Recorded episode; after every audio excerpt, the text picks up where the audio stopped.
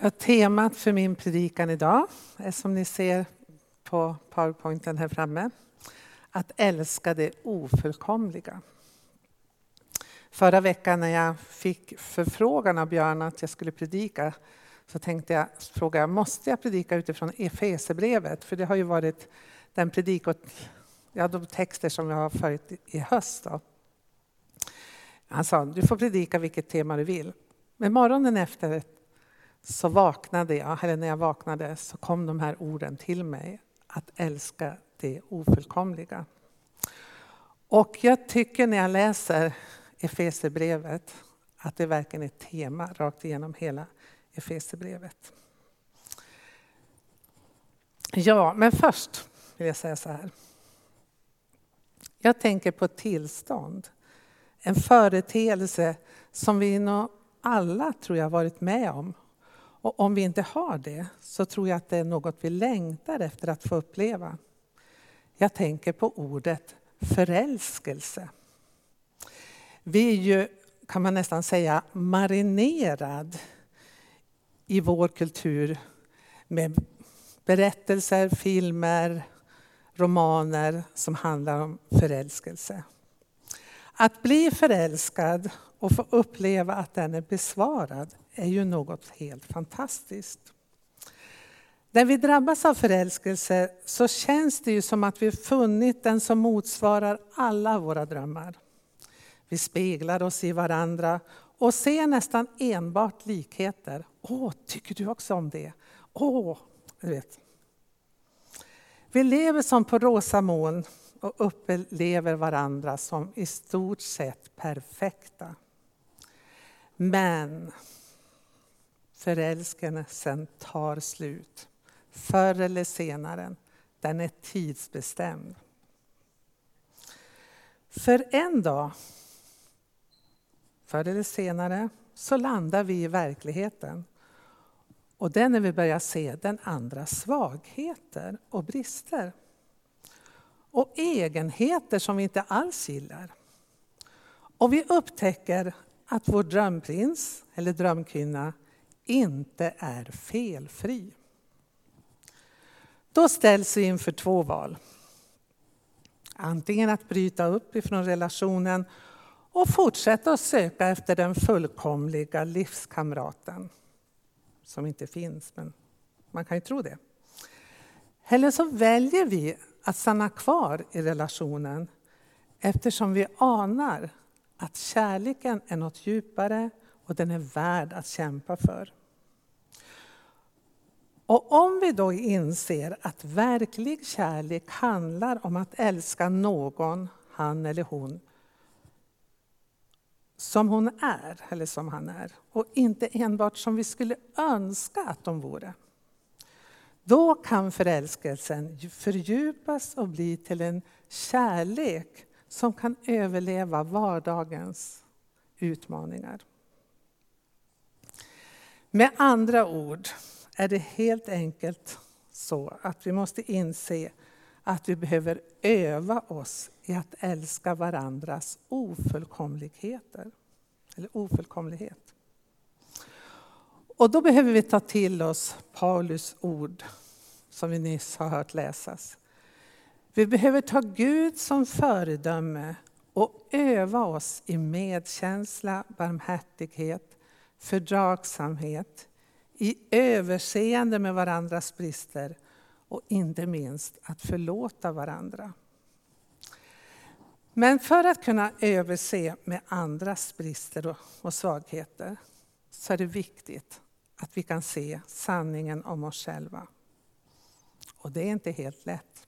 Det kan vara väldigt smärtsamt att se sina egna svagheter.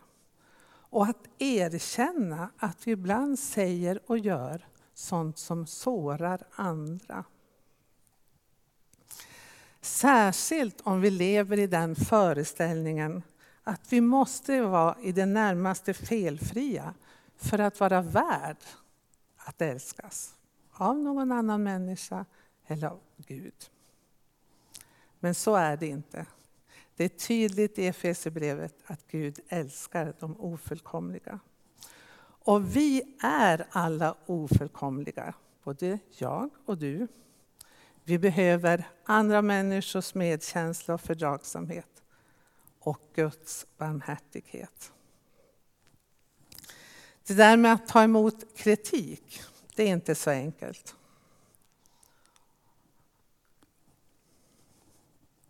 Och kanske nästan ännu allra svårast är att ta emot den från våra närmaste make, maka, föräldrar, barn. Martin Lönnebo, som tidigare var biskop i Linköping och nu är pensionerad sedan många år, han har skrivit en bok som heter Väven. Och den uppläggs så att man läser ett kapitel varje vecka och så får man en andlig övning.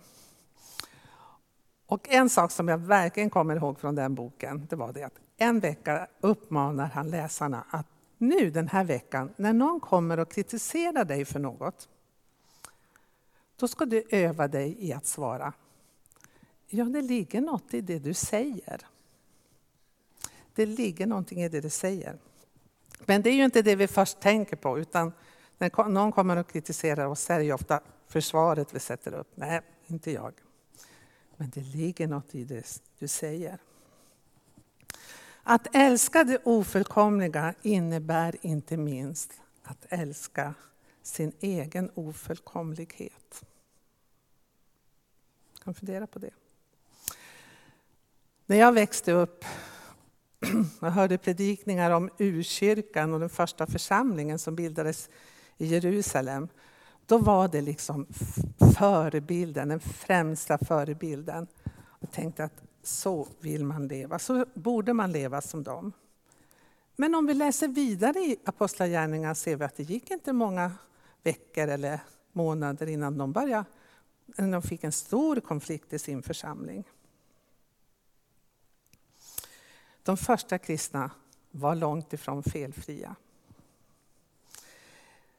Och det kan vi inte minst förstå om vi läser Paulus brev. För Paulus brev är ju skrivna till församlingar som brottas med olika problem. Och därför skriver han både uppmuntran och förmaning. Ja, just det, jag skulle säga också att när Jesus i evangelierna får frågan vad är det viktigaste budet? Då svarar han alltid att älska Gud av hela hjärtat, av hela sin själ, med hela sitt förstånd och med all sin kraft. Alltså att älska Gud över allting annat. Och att älska sin nästa som sig själv. Och det verkar som att Jesus han utgår ifrån att det är självklart att vi älskar oss själva. Och i en mening tror jag att det är det. Man har ju ett uttryck att man är sig själv närmast, det har ni hört. Man kan vara hur självisk och självupptagen som helst och ändå inte på djupet älska sig själv eller tro sig vara värd att älskas. Vi behöver ta emot kärlek i djupet av vårt hjärta. Och jag tror framförallt eller det är Guds kärlek som verkligen kan hela oss på djupet. Där vi kan se våra svagheter och känna att vi är älskade så att vi också kan älska andra som inte är perfekta. I Efesierbrevet så börjar Paulus, som han nästan alltid gör när han ska komma med förmaningar, att berätta hur högt älskade församlingen i Efesus är.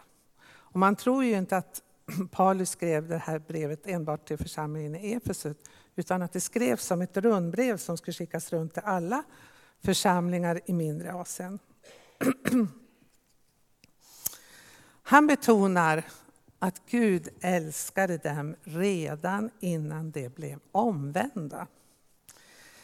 I den här bibelöversättningen, som egentligen inte är en bibel, utan man kallar den parafras, den översättning som tolkar bibelordet, men den är fantastiskt bra, the message. Björn har också lyft fram den. Där står det så här i Efesierbrevet. Långt innan vi hörde talas om Kristus och hoppet väcktes hade han oss i sikte. Alltså Gud såg oss redan långt innan vi blev omvända. Och nu kommer vi till Efesierbrevet 2 och 4 som du kan få lägga upp Tony. Så här står det. Ni var döda genom era överträdelser och synder. Och så vidare. Av födseln var vi, var vi vredens barn, vi som andra. När jag läste det nu så kom jag att tänka Paulus skriver vi. Vi var vredens barn. Det, var, det är inte bara läsarna. Och så kommer de här orden. Men Gud som är rik på barmhärtighet har älskat oss med en så stor kärlek att fast vi var döda genom våra överträdelser har han gjort oss levande med Kristus. Eller som det står i den här The Message. Det är ett under att Gud inte tappade tålamodet och gjorde sig av med oss hela bunten. Istället slöt han oss i sin famn med ofantligt medlidande och ofattbar kärlek, som vi hördes i sången här innan. Gud älskar oss ofullkomliga människor. Vi kan inte förtjäna Guds kärlek. Den är oss redan given. Som det står i vers 8 då. Ty av nåd är ni frälsta genom tron, inte av er själva. Guds gåva är det. Det beror inte på gärningar. Ingen skall kunna berömma sig. Guds kärlek är alltid före. När du kommer till Gud så har Gud redan sett dig, redan älskat dig oavsett hur du är. Alltså han tar emot dig i befintligt skick som det heter på något ord. Och inte nog med att Paulus betonar att Gud har älskat de första läsarna och vi före deras omvändelse. Han till och med säger att Gud älskade och såg dem före världens skapelse har Gud utvalt oss att stå heliga och fläckfria inför honom i kärlek. Så står det i första kapitlet. Han, kan, han ska riktigt ta till för att de första läsarna ska förstå hur stor Guds kärlek är. Och i The Message, ska, jag tycker att det puffar lite ganska. Ja. I The Message står det så här. Långt innan han lade jordens grundvalar tänkte han på oss och riktade sin kärlek mot oss för att vi skulle helas och helgas av hans kärlek. Vilket perspektiv! Gud är verkligen före oss på alla sätt. Om Gud så älskat och utvalt oss ofullkomliga så är vi också kallade att älska varandra som han. Och nu läser jag det ordet som nyss vi har hört. Var goda mot varandra. Visa medkänsla och förlåt varandra, liksom Gud har förlåtit er i Kristus. Ta alltså Gud till föredöme som hans älskade barn. Lev i kärlek. Paulus skriver denna uppmaning eftersom de första läsarna, trots att de redan har blivit kristna, behöver höra denna uppmaning gång på gång. Liksom vi behöver det. Vi behöver påminnas om det. Precis som vi behöver påminnas om Guds kärlek gång på gång. Som ni vet brukar jag leda retriter där deltagarna ber och mediterar över bibelord och så får de träffa en av oss retreatledare och samtala om vad de har upplevt Gud talat till dem. Och det är faktiskt ofta präster, och pastorer och diakoner som jag möter. Och vet ni vad det är det vanligaste som man har svårt för, eller som man kommer tillbaka till under en retreat? Och det är just det här. Att man har svårt att ta till sig Guds kärlek, att den verkligen gäller mig. Men att då under några dagar få påminna sig om att jag är Guds älskade son och dotter oavsett. Även om jag tycker själv att jag är en dålig kristen eller en dålig bibelläsare eller vad du nu är. För vi behöver själva låta oss älskas i all vår ofullkomlighet för att kunna älska andras ofullkomlighet. Vi behöver ta emot Guds kärlek, Guds villkorslösa kärlek, så att vi kan ge den vidare till andra.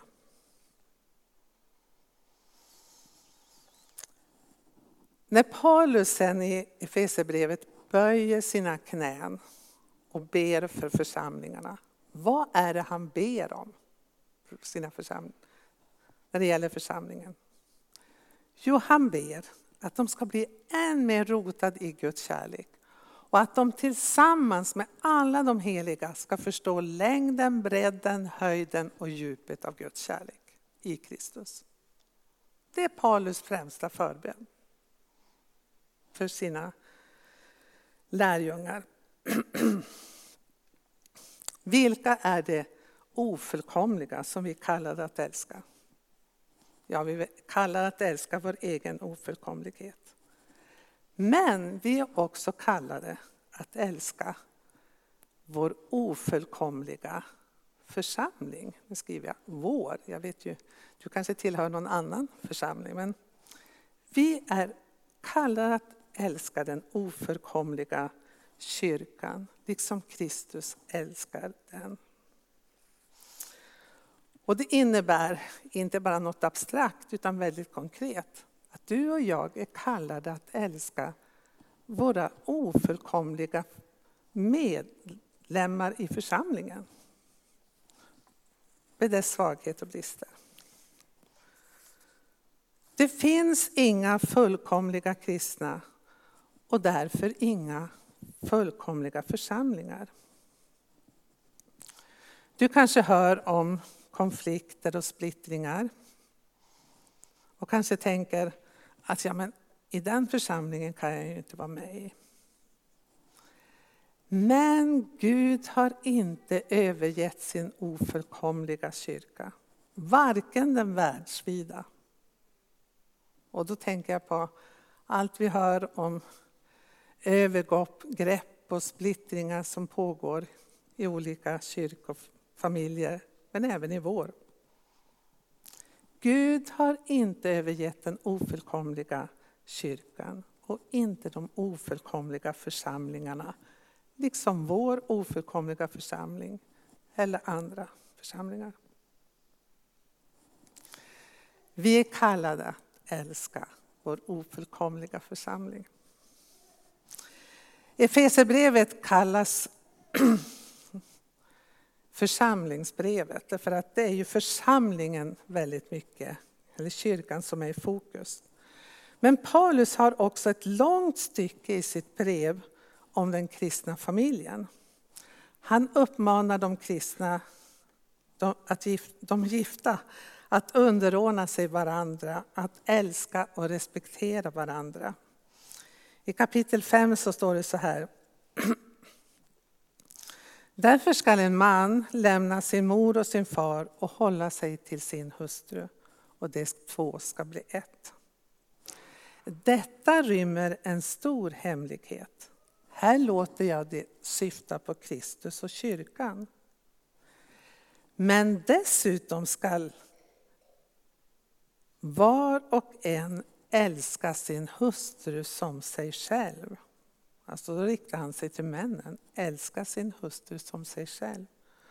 Och hustrun ska visa respekt för sin man. De här orden det rymmer en stor hemlighet. Det är faktiskt så att det är tänkt att det kristna äktenskapet ska peka mot något större än sig själv. Mot Kristus och Kristi brud, församlingen. Det här speglas väldigt fint i den syrisk-ortodoxa vigselceremonin och ni som har varit med om den vet att det finns med där väldigt tydligt. Efter den första förälskelsen, och det kanske ni kommer ihåg ni som är gifta, så kommer ett arbete för kärleken. Att den ska växa sig stark. Men det är ju så här att ju närmare vi kommer varandra, ju längre man lever tillsammans, desto mer behöver man gåvan, som Paulus skriver om i kapitel 4. Att ha fördragsamhet med varandra i tålamod och kärlek. Till männen skriver Paulus att de ska älska sig, sina hustrur som sin egen kropp. Ska älska sina hustrur som sin egen kropp. Den som älskar sin hustru älskar sig själv. Ganska häftigt. Men jag tror att det är precis tvärtom också. Att vi kvinnor, vi hustrur, har utmaningen att älska våra män precis lika mycket som vi älskar oss själva eller vår egen kropp. Till sist. Självklart är vi också kallade att älska de som vi möter i vår vardag. De som vi möter ute i samhället. Att älska alla människor. Ty så högt älskade Gud världen att han sände sin enda son. Gud älskade oss ofullkomliga människor. Han älskade oss medan vi ännu var syndare och sände sin son. Så du och jag är kallade till att älska vår granne, vår arbetskamrat, din chef eller vem det nu kan vara. Älska dem liksom Gud i Jesus Kristus älskat oss ofullkomliga i sin stora barmhärtighet. Och då vill jag ställa frågan till slut. Vi ska strax ha en stund av bön och lovsång. Var har du din uppmaning? Vem har du svårt att älska? Kanske har du svårt att älska dig själv. Eller är det din make, maka? Dina föräldrar, dina svärföräldrar? Eller dina barn som har valt en helt annan väg än du skulle önska? Dina grannar? Din församling? Ta med den frågan in i bönestunden och be Gud om att han ska uppfylla dig med sin helige Ande och sin stora kärlek och barmhärtighet. Ni kan komma fram i lovsångsteamet.